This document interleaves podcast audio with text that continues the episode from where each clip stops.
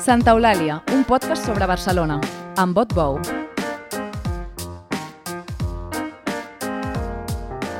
Daniel Cirera va ser president del Partit Popular de Catalunya i ara n'és el candidat a l'Ajuntament de Barcelona. Senyor Daniel Cirera, benvingut a Santa Eulàlia. Moltes gràcies. Gràcies per venir. Uh, escolti, vostè és el candidat del PP a l'alcaldia de Barcelona. L'últim any, per això, ha estat uh, cap de gabinet, l'últim any i escaig, ha estat cap de gabinet de, del senyor Carlos Mazón, candidat del PP a la, a la Generalitat Valenciana. Per què ha decidit tornar a Barcelona i per què, per què va decidir aquest canvi? Bé, la veritat és que eh, jo estava treballant pel Partit Popular de la Comunitat Valenciana per fer possible el canvi a, a la comunitat i bueno, eh, teníem que a Barcelona necessitàvem un candidat que, que tingués coneixement de, de la ciutat, que tingués eh, capacitat per eh, afrontar el repte de, de que el Partit Popular tingués representació, una forta representació a l'Ajuntament de Barcelona i tant el partit a Barcelona com a Catalunya, com també el president nacional del partit em van demanar que, que si jo estava disposat a encapçalar la candidatura. Bueno, vaig veure que la ciutat necessitava un canvi real i, per tant, bueno, pues, crec que és, eh, és important que el Partit Popular tingui representació a Barcelona i aquí estic per fer el que, el que pugui. No? Torna, torna vostè, que havia estat regidor entre el 96 i el 99, torna Trias, que havia estat eh, alcalde, eh, Ernest Maragall hi ha estat pràcticament tota la seva vida. Què passa a Barcelona? No hi ha, no hi ha lloc per cares noves i per una certa regeneració de lideratges? Bueno, jo crec que hauria d'haver eh, lloc per cares noves i perquè la gent doncs, eh, pugui incorporar-se a, la vida, a la vida política i, i fer política. No? Jo crec que hem de reivindicar la política però és veritat que, home, salvant les, les distàncies, eh, és veritat que Xavier Trias ja estava jubilat i, i que Maragall doncs, eh, doncs gairebé també està en edat de, de jubilar-se. No? Jo tinc 55 anys i per tant és veritat que durant 3 anys vaig ser regidor de l'Ajuntament de Barcelona, però bé, encara em queda una mica de, de, Fa 25 anys per això que va ser regidor. Déu-n'hi-do el, el que ha plogut. Déu-n'hi-do, déu nhi déu però bé, jo, jo tinc tota la força i per, per, per tirar endavant, per ser alcalde de Barcelona, per, per arribar a l'edat que té el Xavier Trias i continuar sent alcalde de Barcelona i per tant jo estic vinc a totes, vinc a, a, fer, a, fer, a produir el canvi que necessita la ciutat de Barcelona i a que el Partit Popular pugui tenir, eh, doncs, bueno, eh, allà on governem, eh, la gent ens continua votant i per tant tenim les polítiques que necessita la ciutat de Barcelona per tirar endavant. Mm -hmm. Escolti, el PP a Barcelona, nou regidors eh, l'any 2011, pràcticament empatats amb el Partit Socialista de Jordi Areu, que, que aleshores venia d'una hegemonia molt llarga a l'Ajuntament, per tant un molt bon resultat. Tres regidors, en canvi, el 2015, dos eh, fa quatre anys a punt de quedar-se sense representació a dins de l'hemicicle. Eh, fa cap autocrítica sobre per què el, el Partit Popular ha perdut mm, aquest volum de vots tant a Barcelona com a Catalunya? Bé, la veritat és que és cert que en els darrers anys hem anat perdent eh, vots, hem anat eh, perdent representació. És veritat que s'han cre creat o han nascut altres formacions polítiques que volen ocupar el nostre espai i en aquest cas doncs, ja tenim, en els darrers anys es va crear un partit que es diu Ciutadans, també s'ha creat, eh, bueno, està Vox, està Valens i també una part del PSC, no? que ens ha anat arreplegant vots.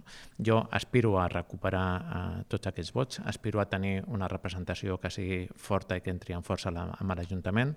Si sumem tot el que les enquestes diuen que poden sumar aquestes formacions polítiques, eh, nosaltres ens tornaríem a plantar amb 8 nous regidors i per tant crec que és important unificar el vot eh, envers el Partit Popular perquè el Partit Popular sigui una veu que entri en força amb l'Ajuntament, que representi una part de la societat catalana que no és nacionalista, que no és independentista i que no és d'esquerres, i per tant jo crec que el Partit Popular en aquestes eleccions pot aspirar a representar a bona part d'aquesta gent que en el mm. passat va votar altres formacions polítiques. Però quin és el seu diagnòstic eh, sobre per què el PP s'ha debilitat a Barcelona i a Catalunya? És a dir, algun, algun element d'autocrítica o algun defecte, alguna cosa es deu haver fet malament? Bé, jo la veritat és que he estat 15 anys fora de la política a Catalunya i per tant no, no, no sé ben bé què, què s'ha fet. No? Jo, jo sé que hem de treballar molt, jo sé que eh, més enllà de, de pensar ideològicament què, què hem de ser, jo crec que tothom sap perfectament el que representa el Partit Popular i el que hem de fer és treballar i treballar molt. Mm, és el el que estic... militant del partit tots aquests anys. Sí, he estat militant del partit, però he estat fora de les estructures del partit, no? i per tant he, he vist, he vist diguem, els bous des de la barrera. No? I ara el que em pertoca és treballar, treballar molt. Jo crec que hi ha un espai eh, perquè la gent comença a estar farta de les polítiques de l'esquerra i també de les polítiques dels independentistes. La gent té ganes de prosperar, de treballar, de que Barcelona sigui una ciutat de primera, on vinguin persones a invertir, a treballar, a estudiar, a fer turisme, a posar una altra vegada Barcelona en el mapa. No? I això és el que jo vull fer. Jo vull ser alcalde de Barcelona. Jo sé que en aquestes eleccions segurament no podré ser, però vinc a treballar perquè d'aquí quatre anys el meu partit torni a tenir una representació important per poder mirar de tu a tu aquí en aquestes eleccions sigui l'alcalde de la ciutat. Mm -hmm. Escolti, fa quatre anys el candidat del PP va ser Josep Bou, que és un personatge, diguem-ne, polèmic, que, ha tingut un mandat una mica, una mica eh, mogut, uh, i ara en canvi s'ha apostat per recuperar-lo a vostè, per recuperar també Ángeles Esteller. Um, sou crític amb l'estratègia, és crític vostè amb l'estratègia que, que ha seguit el senyor Josep Bou a l'Ajuntament de Barcelona?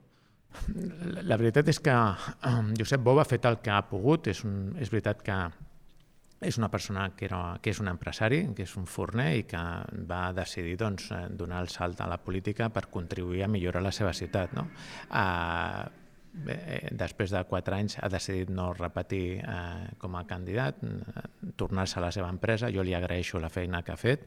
Bé, ha I decidit no repetir després de dir que, que ho havia fet, havia renunciat per no haver rebut prou suport de la direcció de Madrid.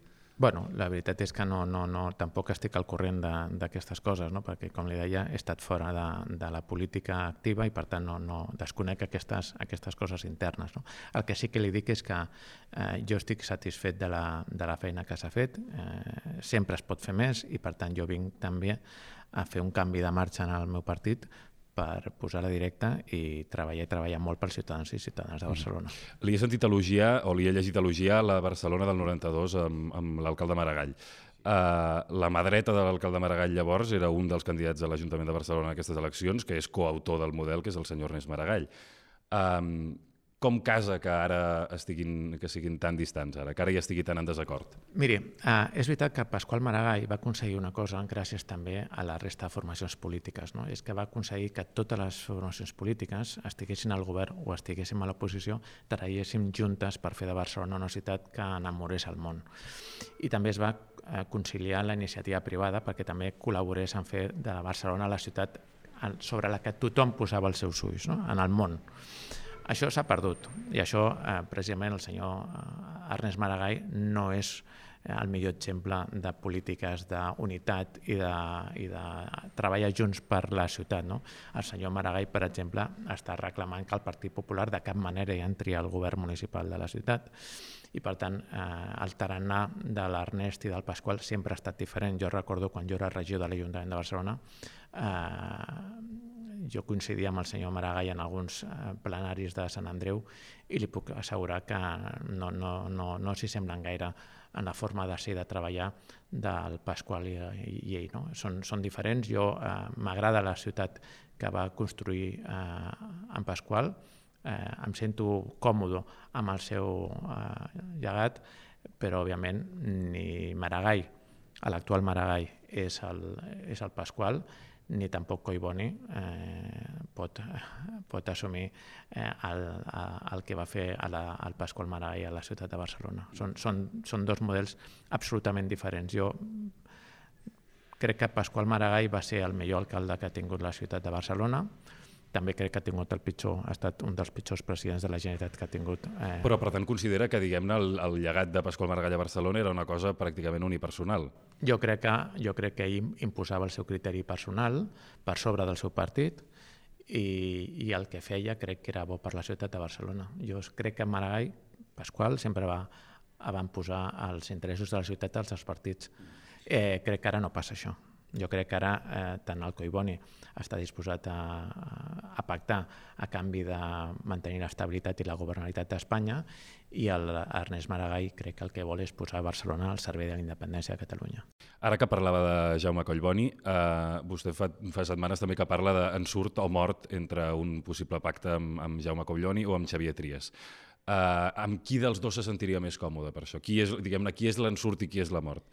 Amb qui comparteix més model de ciutat? La pregunta és ells en qui, en qui volen pactar, no? Eh, ells volen pactar amb Colau, com ja han demostrat que han fet, el senyor Collboni, ells volen pactar amb Esquerra Republicana, com, a, com el senyor Trias repeteix cada dia, i per tant ells hauran de decidir que volen ser de grans. Nosaltres el que farem serà posar sobre la taula eh, una sèrie de propostes programàtiques, garantir la seguretat dels ciutadans, garantir la mobilitat dels ciutadans, garantir que Barcelona estigui neta, garantir que es baixin els impostos i que hi hagi política social. Són unes condicions prou genèriques com per adaptar-se bueno, però hi ha un, programa, pacte. hi ha un programa, no, no, no, són, no, no són només genèriques. No? Nosaltres parlem de garantir que hi hagi 1.000 nous agents de la Guàrdia Urbana, que es puguin posar càmeres de seguretat en carrers com el Raval, on hi ha eh, molts problemes de seguretat, eh, volem que els ocupes no es puguin empadronar a casa seva, volem fer coses molt concretes i a partir d'aquí qui vulgui assumir les propostes del Partit Popular doncs podrà tenir el nostre suport per, per governar la ciutat. Qui no vulgui aquestes propostes, doncs, escolta, mm, pot, pot decidir altres, altres opcions. No? Seran aquestes concretament les condicions? Mil efectius nous per la Guàrdia Urbana? Seran unes Les càmeres? Seran quines, quines més hi hauria? Algunes d'aquestes, doncs, per exemple, eh, eliminar la burocràcia que hi ha en aquest moment a, a Barcelona, no? per, per muntar una empresa, per muntar un negoci, per obrir una botiga, per obrir un bar, a Barcelona et trigues molts i molts mesos. Eh, amb una declaració responsable això es pot fer en 20 dies, en 15 dies, en un mes, i per tant pot generar eh, eh, economia, pot generar llocs de treball, eh, bueno, hi ha coses que, que s'han de fer no? i que des del meu punt de vista no es fan. No es fan. Cal més política social, cal més habitatge, cal erradicar, per exemple, el percentatge del 30% de, de l'habitatge per, per destinar a, habitatge social, que s'ha demostrat que no serveix per, per l'objectiu que volia fer. Vull dir, nosaltres tenim un seguit de propostes que volem fer, repensar les superilles, per exemple. Ara, ara parlarem de, de propostes concretes per això, uh, però per, per acabar d'entendre diguem-ne l'espai de la governabilitat i amb qui estarien disposats a pactar i amb qui els agradaria governar o amb qui seria òptim per vostès. Uh, veig que no descarta un, un pacte amb Xavier Trias si ell guanya diguem-ne en el bloc uh, en, al marge de, de, de l'alcaldessa actual, Ada Colau. Uh, fa, fa quatre anys, fa, fa tres anys tot just, el, partit, el president del seu partit de Madrid eh, titllava d'il·legítim el govern espanyol perquè depenia la seva majoria de partits independentistes eh, i ara vostè no està, diguem-ne, tancat a pactar o a fer alcalde una persona que és el candidat del partit del president Puigdemont. Què ha canviat? Quin, quin canvi no, no, no. hi ha hagut com perquè Nosaltres, vostè sigui disposat a això? Miri, jo no estic eh, parlant de a qui faré eh, alcalde de Barcelona, sinó per fer què a, a mi el que m'interessa és saber què es vol fer amb la ciutat de Barcelona. I per tant, si algú vol fer de la ciutat de Barcelona una ciutat millor, jo estic disposat a parlar-ne. Si algú vol posar Barcelona al servei de Carles Puigdemont o al servei de, de Pedro Sánchez, jo per aquí no passaré. I per tant, el senyor Trias, si vol el suport del Partit Popular, haurà de decidir què prefereix, si Barcelona o la independència de Catalunya si Barcelona o Carles Puigdemont. Com ho faran perquè decideixi? Quina, quines... Bueno, hi haurà, de, hi haurà de saber quins són les propostes que vol fer per la ciutat, no? Eh, I sabrà què és el que vol fer. Òbviament, si ell vol posar la ciutat de Barcelona al servei de la causa independentista, a mi no hi podrà comptar. Això és bastant, bastant fàcil d'entendre, no? I per tant, eh, nosaltres estem disposats a parlar sobre Barcelona, sobre com millorem la qualitat de vida dels barcelonins, però si algú vol, com li he dit abans, posar Barcelona al servei de Carles Puigdemont o posar Barcelona al servei de Pedro Sánchez, amb nosaltres que no hi compti. Nosaltres posarem Barcelona al servei dels barcelonins. Fixis que fa molts anys, molts anys, que els barcelonins treballem i vivim al servei de l'Ajuntament de Barcelona. I hem de canviar això perquè d'una vegada per totes l'Ajuntament de Barcelona treballi al servei dels ciutadans de Barcelona. Què vol dir que vivim al, al servei de l'Ajuntament bueno, de Barcelona? Nosaltres el que hem de fer és sempre complir normatives eh, que es fan des de l'Ajuntament. Eh, l'Ajuntament ens diu eh, el que hem de pagar, quan hem de pagar, sempre tenim obligacions i no tenim gairebé drets. No? I jo crec que això ha de canviar i hem de recordar-li als polítics que treballen al servei dels ciutadans i no els ciutadans al servei dels polítics. La, la, diguem-ne, la, la disposició, com a mínim, o la predisposició per això arribar a acords amb Xavier Trias i Jaume Collboni és una cosa que se circumscriu a Barcelona o el, el triangle d'un hipotètic pacte o d'una hipotètica aliança entre Junts, el PSC i el Partit Popular eh, seria un escenari còmode per vostè si, si passés tant a l'Ajuntament de Barcelona com a la Generalitat de Catalunya? Miri, jo vull eh, com li he dit abans, jo vull ser alcalde de la ciutat de Barcelona i per tant no faré res que perjudiqui la ciutat de Barcelona. Eh, L'escenari que jo plantejo és, una vegada parlin els ciutadans, veurem què podem fer per garantir la governabilitat de Barcelona i, òbviament, per fer que l'alcaldessa actual, que de Colau no sigui alcaldessa de Barcelona i perquè els independentistes no estiguin al govern municipal. A partir d'aquí jo puc parlar amb tothom. No? Òbviament m'agradaria un canvi a Catalunya també, un canvi que passés per eh, millorar la qualitat de vida de la gent, per baixar impostos, per fer una Catalunya en la que doncs, les empreses, les 8.000 empreses que van marxar com a conseqüència del procés eh, tornin a la nostra comunitat i per tant puguem generar llocs de treball i tenir més riquesa per nosaltres i amb aquest marge o amb aquest eh, escenari nosaltres estaríem disposats a jugar. Això vol dir que no considera Junts un partit independentista? És un partit independentista, sens dubte.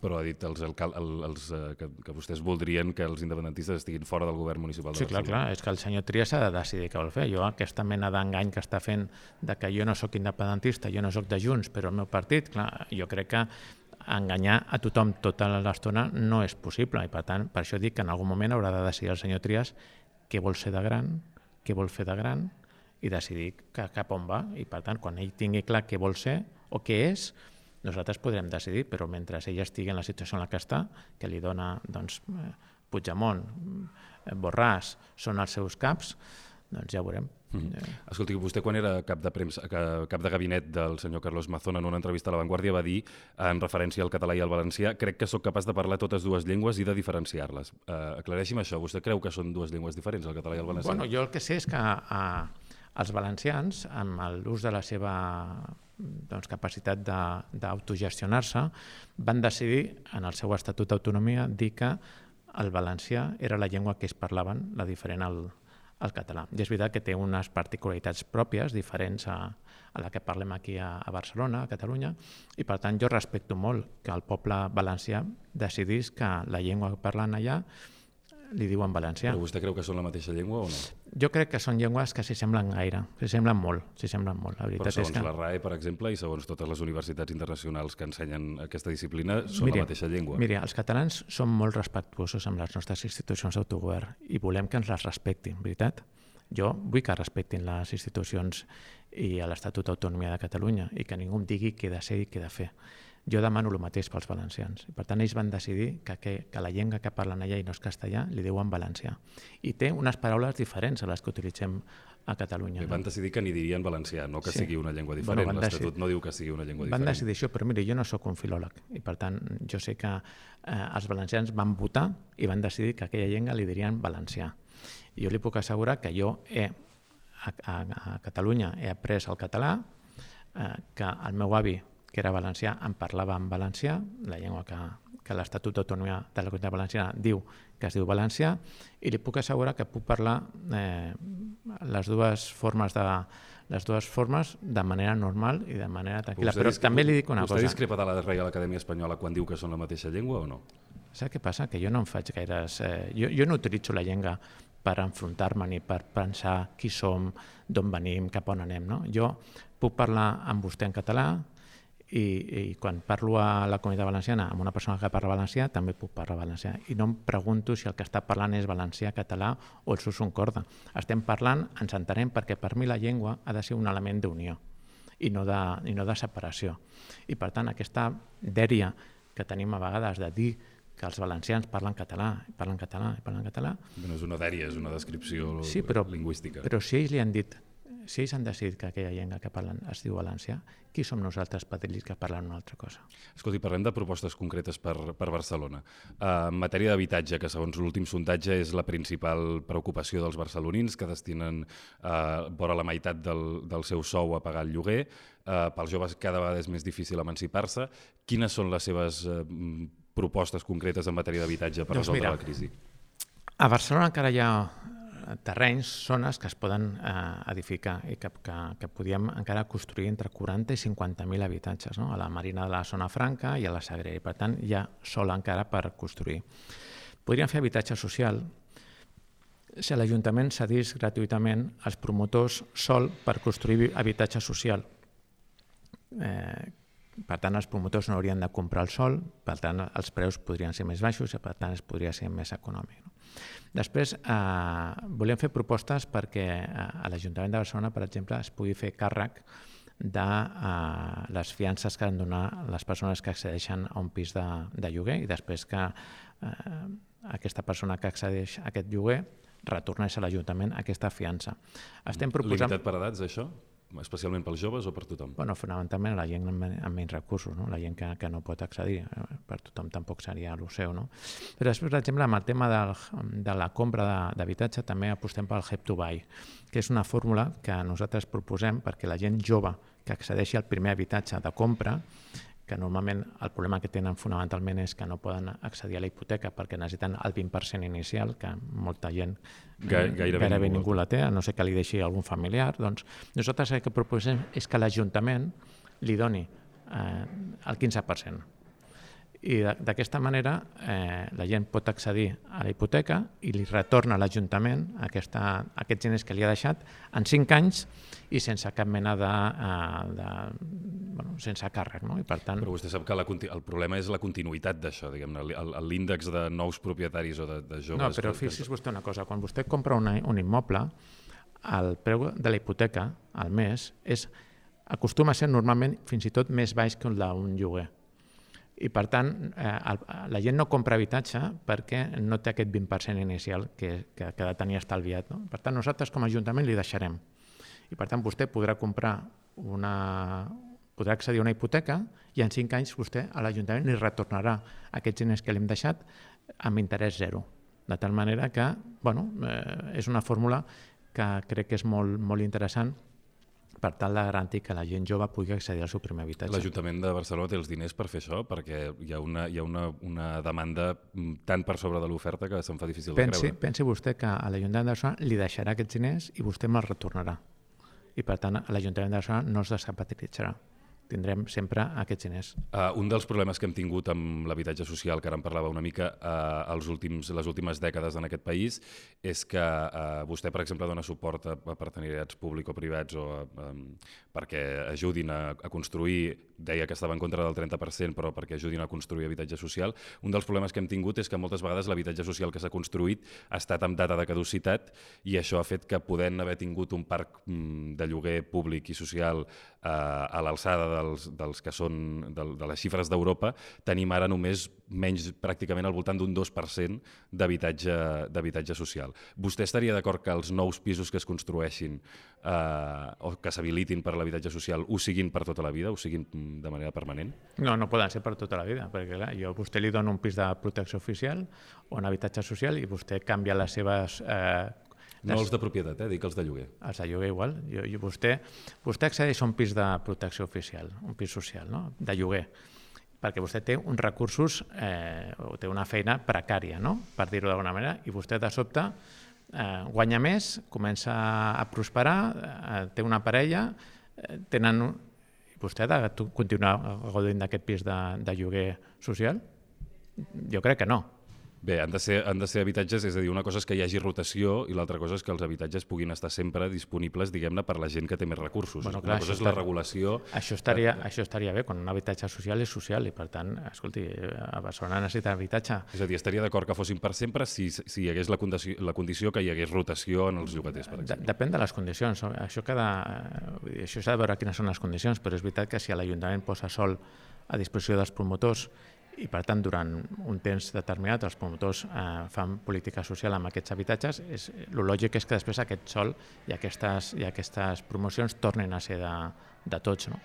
Això ho trobo bé, però també hem de pensar eh, en gran. No? Barcelona eh, té un problema d'habitatge, com vostè molt bé diu, però hem de pensar que Barcelona hem de passar en gran, en la gran Barcelona. No? Hem de garantir que els mitjans de comunicació públics siguin, eh, siguin adients, siguin correctes, per tal de garantir que la gent jove pugui viure fora de la ciutat de Barcelona i no tingui problemes per, de mobilitat per poder venir a la ciutat de Barcelona a treballar, a viure o a disfrutar de la ciutat. -huh. uh, un govern amb majoria absoluta del seu partit a l'estat espanyol va aprovar l'any 2013 dues lleis, una de les quals donava beneficis socials a la SOCIMI, que és la figura legal que fan servir els fons d'inversió, i l'altra passava els, els contractes de lloguer de 5 anys a 3 anys. Vostè creu que això, uh, aquestes lleis uh, han estat han, han ajudat a, a empitjorar la crisi? I fa cap autocrítica? Jo el que sé és que totes aquestes lleis que s'estan fent ara diguem, per limitar els preus dels lloguers i per eh, tal, estan, estan provocant el contrari del que eh, es volien eh, fer. No? Hi ha estudis de la Universitat de Barcelona que diuen que la limitació de, de lloguers, per exemple, fa encarir el preu dels lloguers. Eh, a, a països d'Europa on s'ha aplicat la limitació de lloguers eh, s'han incrementat els preus dels lloguers i, per tant, jo el que crec és que hem de fer una bona política d'habitatge, una bona política d'habitatge social i, per tant, no posar traves perquè el que hem d'aconseguir és que molta gent vulgui construir, que es construeixi més perquè contra més oferta tinguem, els preus baixaran. Si no hi ha oferta, òbviament, eh, els preus es disparen. I, per Bé, aquí tant... durant el temps que va estar en vigor la llei de regulació dels lloguers que després va tombar el Tribunal Constitucional no van pas eh, pujar els preus del lloguer. Bueno, jo hi ha hagut dic... ciutats d'Europa en què tampoc ha passat. Jo li dic que no és, una, no, és, no és una cosa que jo pensi. Hi ha estudis de la Universitat de Barcelona que diuen, i de la Pompeu Fabra, que diuen que els preus del lloguer han pujat com a conseqüència de la limitació dels preus. Per tant, jo no sóc un expert i per tant el que faig és basar-me en els estudis que fan les universitats catalanes, no? que no són tampoc sospitoses de ser del Partit Popular. No? Uh, parlem de mobilitat. Escolti, vostè si fos alcalde revertiria totes les, uh, tots els processos de construcció de superilles i de pacificacions de carrers? Jo faria el contrari que ha fet l'Ajuntament la, de Colau i Collboni. Jo el que faria seria un estudi, que ara no s'ha fet, de quina és l'afectació que cada superilla té amb tema econòmic, tema social i tema de mobilitat. I en funció d'aquest estudi, el que decidiria és quines superilles es queden, com, com estan, òbviament amb el manteniment que ara no tenen, quines superilles s'han de modificar i quines s'han de treure. I quan aquest estudi estigui fet, decidiré quines s'han de treure. No pas I, més quines s'han de fer? bueno, si es poden fer algunes més, però no afecta, no tenen afectació negativa ni sobre la mobilitat, ni sobre l'economia, ni sobre eh, la societat, endavant però jo el que no faré serà fer les coses al tum-tum com s'han fet ara. Uh -huh. Hi ha alguna superilla especialment que, que vostè cregui que es podria fer de nou? Bueno, jo el que sé és que visc al carrer València i que com a conseqüència de la superilla del Consell de Cent, el carrer València eh, l'Ajuntament ha pogut pacificar el Consell de Cent, però ha garrificat el carrer València. I per tant, tot el trànsit que passava pel carrer Consell de Cent ara passa pel carrer València. Per tant, jo tinc més soroll, més contaminació, més embussos. I per tant, s'està fent una ciutat de primera i de segona. Hi ha cap obra del govern de De Colau que li sembli bé? Cap reforma urbanística que hagi fet? Doncs eh, em costa molt de pensar, eh? però Crec que cap de les reformes que s'han fet s'han fet amb voluntat de millorar la qualitat de vida dels, dels barcelonins.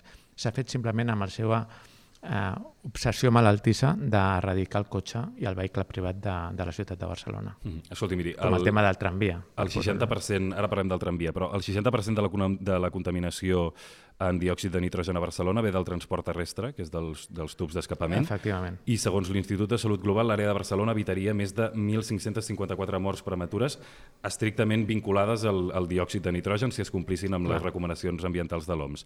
Uh, entenc que vostè està en contra de la retirada mm, progressiva del vehicle privat de Barcelona, però aleshores, diguem-ne, que en termes de, de mobilitat i d'urbanisme, per frenar la contaminació, quines són les seves propostes concretes? Bueno, escolti, miri, és que el que estem fent a la ciutat de Barcelona és precisament el contrari el que s'ha de fer perquè els vehicles contaminin menys. El que, fe, el que fa l'Ajuntament de Barcelona és, eh, és limitar la capacitat dels vehicles de circular amb una certa eh, lleugeresa, la qual cosa provoca més embussos i més embussos és més contaminació atmosfèrica. Miri, l'Ajuntament de Madrid l'any passat va complir la normativa europea en matèria de contaminació ambiental, perquè ha fet reformes perquè els vehicles estiguin menys estona eh, amb el vehicle encès, amb el motor encès. Aquí s'ha fet tot el contrari, s'estan limitant i per tant tots els embussos que estan produint a Barcelona el que fan és generar encara més contaminació. I això, si ho sumem a altres coses, per posar un, un altre exemple, que jo sé que a vegades no agrada molt aquí comparar amb Madrid, però jo comparo Madrid simplement per valorar les polítiques que es fan des del Partit Popular a Madrid i les que fan aquí. No? A Madrid, la mitjana dels autobusos públics són de 5 anys. Aquí són de 8 anys. Això vol dir que a Barcelona hi ha vehicles autobusos públics amb més de 14 anys circulant per la ciutat de Barcelona, que no contaminen aquests autobusos. Jo crec que sí. Jo crec que sí. No? Per tant, jo li puc assegurar que quan eh, quan tu estàs al carrer València i veus que els vehicles eh, es passen molta estona amb el vehicle encès perquè hi ha contaminació, perquè hi ha embussos, això contamina moltíssim. A Madrid han fet reformes perquè els vehicles vagin més ràpids i aquí a Barcelona estem fent tot el contrari. I no s'estan donant compte del que cada vegada que hi ha un vehicle més estona aturat amb un embús, estem llançant més, eh, més contaminació a l'aire. Mm -hmm. Per això, de tota manera, necessita diguem-ne una, una, una xarxa de transport públic bàsica que sigui, que sigui que, eficaç bàsica, i, que, i que funcioni de veritat. Fonamental. Per això el que hem de fer és un... aturar tot el que està fent la, l'Ajuntament de Barcelona fins que no tinguem... O sigui, vostè sap que entren cada dia a Barcelona, entren i surten al voltant d'un milió de vehicles. No? Eh, això és gent que no agafa el vehicle privat perquè li surt dels nassos, simplement perquè no té una altra opció. També, per exemple, perquè la xarxa de, de, de rodalies, de temps de rodalia, és eh, totalment deficitària i l'Estat fa anys que té incompliments flagrants amb la inversió en, en rodalies. Per exemple, fa 14 anys es va prometre una inversió de 4.000 milions d'euros per millorar la xarxa de rodalia que no, no ha arribat. No, no, és veritat que la xarxa de rodalies ha de millorar, però, escolti, nosaltres també tenim responsabilitat, no? O és que la Generalitat no té responsabilitat en la línia del metro?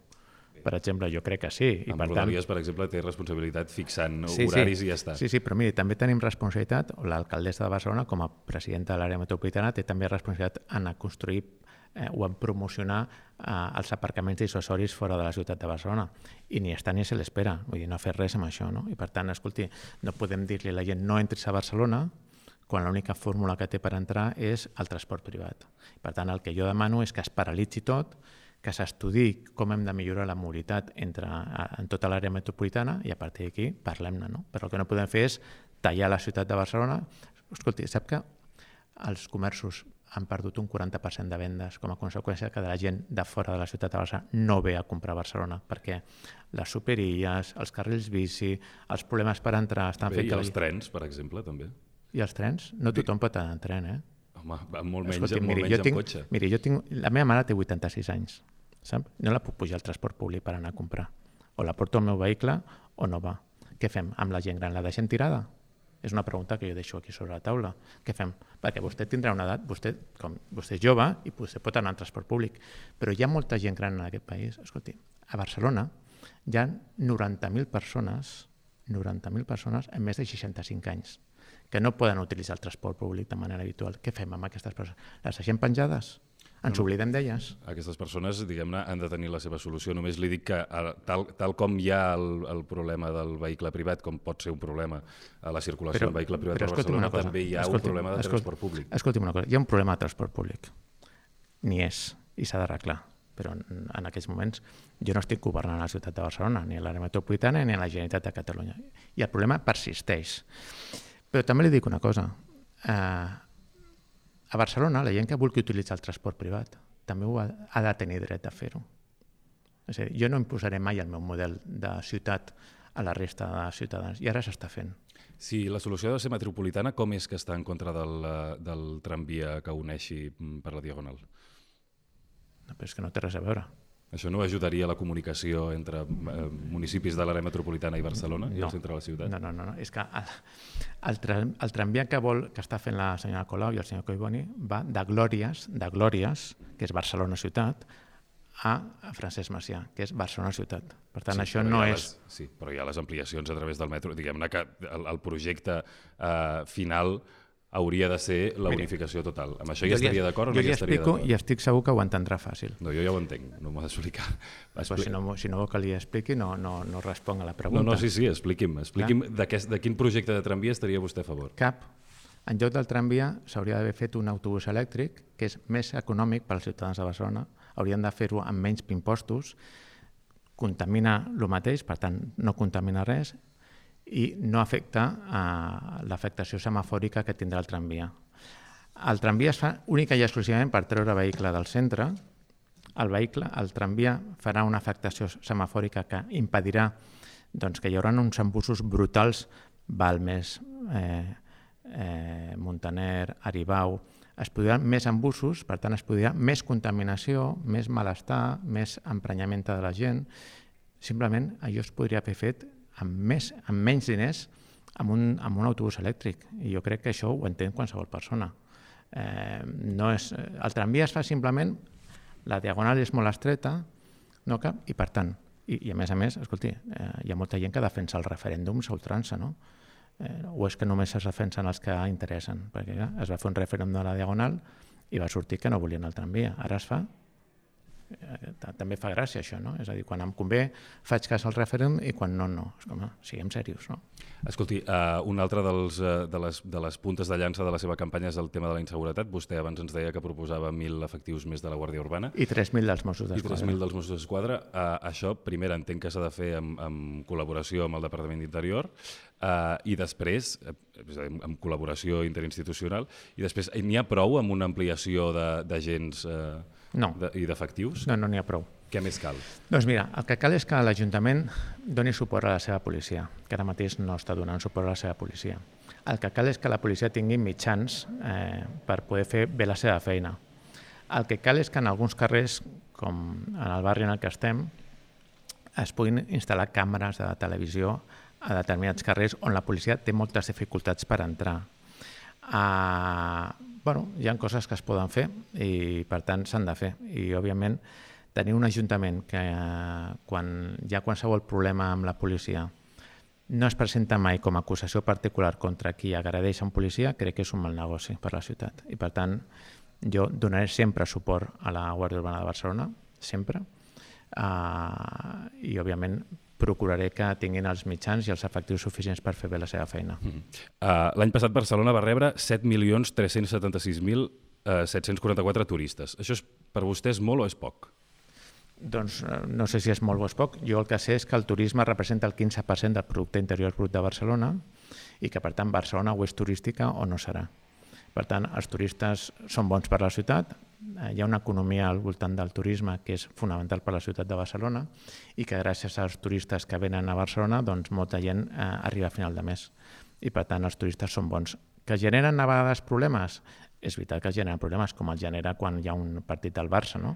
O, I per tant, escolta, eh, Barcelona és una ciutat turística, ho sabem, som conscients, ho hem estat sempre, i per tant hem de continuar eh, doncs, eh, òbviament amb un turisme de qualitat, però sent una ciutat amigable per la gent que vingui a veure'ns. Com ho faria vostè perquè vingués un turisme de més qualitat, que, que gastés més amb, amb els comerços de la ciutat i que, eh, diguem-ne, reduís l'abús del, del lleure nocturn que molesta els veïns? Vostè creu que els, que els, que els turistes eh, provoquen un abús del, de l'oci nocturn? Jo crec que no, perquè, miri, els, el, a Barcelona hi ha, hi ha un dèficit d'establiments de, d'oci nocturn.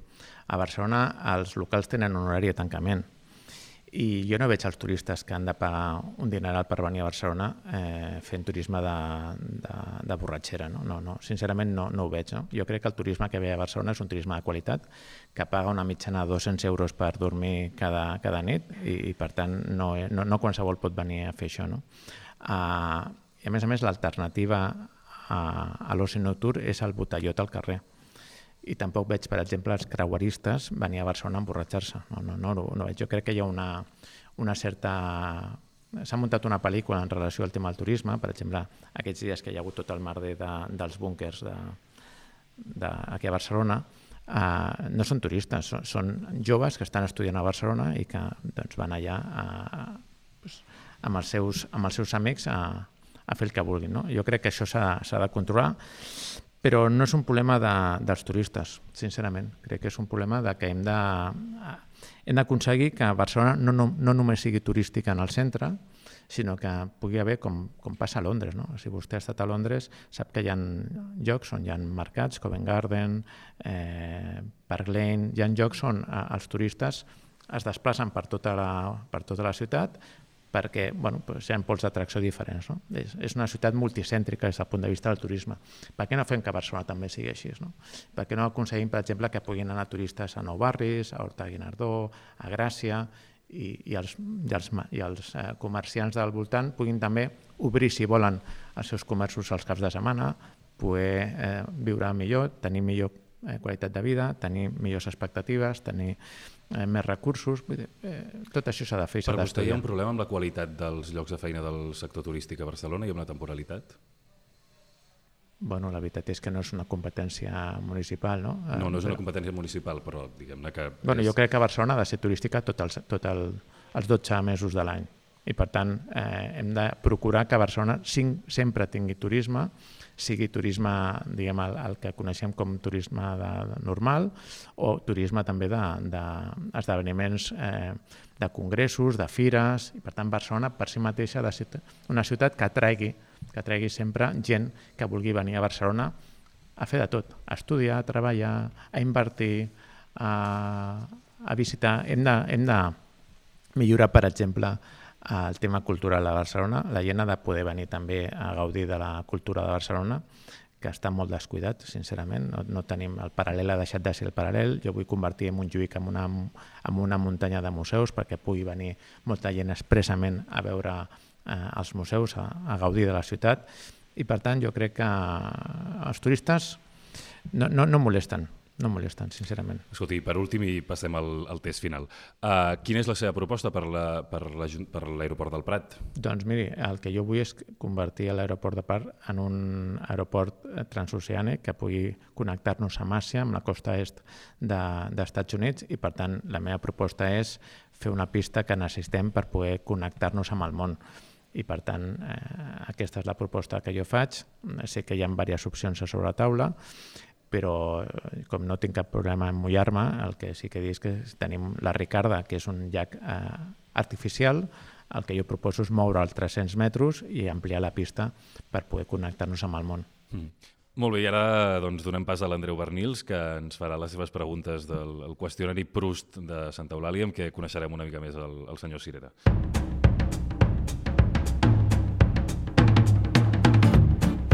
El qüestionari Proust amb Andreu Bernils. Moltes gràcies, senyor Cirera. Seran unes 24 preguntes curtes i intentarem que la resposta també sigui curta. Val? Bueno, anem. La, eh, la idea és conèixer una mica la personalitat del personatge. Per exemple, darrer cop que heu fumat marihuana? Mai. Quants metres quadrats té casa vostra? Pues jo crec que uns 100 metres quadrats. Quin cotxe teniu? Un BMW X3 de fa 17 anys. Quina és la vostra flor predilecta? M'agrada molt la margarita. L'animal favorit? El gos. El color preferit? El blau. El vostre lema vital? Eh, al final tot sortirà bé i si no surt bé és que no és al final. en quines ciutats o pobles heu viscut més de sis mesos? Eh, doncs he viscut a Badalona, que vaig néixer allà, fins als 6 o 7 anys, he viscut a València un any i la resta a Barcelona. Quines llengües parles? Parleu? El català i el castellà. Noms de persona que preferiu amb una noia i amb un noi. Jolanda m'agrada molt i Daniel també m'agrada molt. El vostre personatge o heroi de ficció preferit? El Quixot. Un episodi de la vostra vida que us ha marcat? La veritat és que cada dia em marca la vida, no? tot el que faig, no? però bueno, la mort del meu pare em va marcar molt. Quins dons naturals us agradaria tenir? Naturals? Sí. La veritat és que no m'ho he plantejat mai. No, no, no, crec que no, no, no, no, no, no, no trobo a faltar cap, cap dot natural. Molt bé. Quina seria la vostra pitjor desgràcia? Doncs, la mort de qualsevol dels meus fills. Personatge històric que valoreu més? Doncs pues mira, Ildefonso Cerdà. Com us agradaria morir? Uf, quan més tard possible millor, eh, en plena consciència mental i física i sense assabentar-me. Com celebreu el Nadal? Doncs en família. El racó preferit de la vostra ciutat? M'agrada molt el bord. Uh, passejar pel bord em, em, em relaxa i em tranquil·litza. El racó de la ciutat que menys us agrada? pues, qualsevol lloc on estiguin fent sorolls i, i, i obres i aquestes coses. A quin barri naixeu i a quin barri viviu? Jo vaig néixer a Badalona, eh, després vaig viure una temporada al costat del Paral·lel, a Sant Antoni, després vaig anar a l'esquerra de l'Eixample, he viscut un any i pico a, a la Barceloneta i ara torno a viure a l'esquerra de l'Eixample. La següent seria quin dels rivals vostè creu que és el pitjor candidat?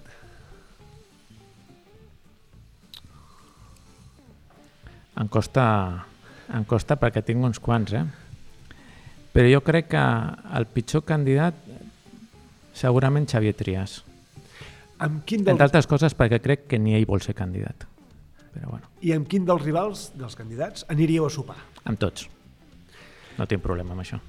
Quina és la definició de països catalans? Doncs és una entelèquia eh, amb la que no estic d'acord i per tant bé, eh, té un punt imperialista amb la que, que no m'agrada. Molt bé. I l'última. La persona que us ha format políticament, qui seria? Pues tinc vàries. Eh? Tinc vàries. Una d'elles, eh, Josep Piqué, altra va ser el president de, de les joventuts quan jo vaig entrar.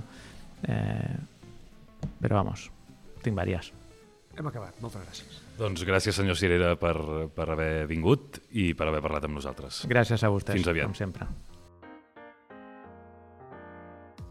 Santa Eulàlia és un podcast de VilaWeb presentat per Otbou amb Carles Garcia al servei tècnic i a les veus Maria Castanyer.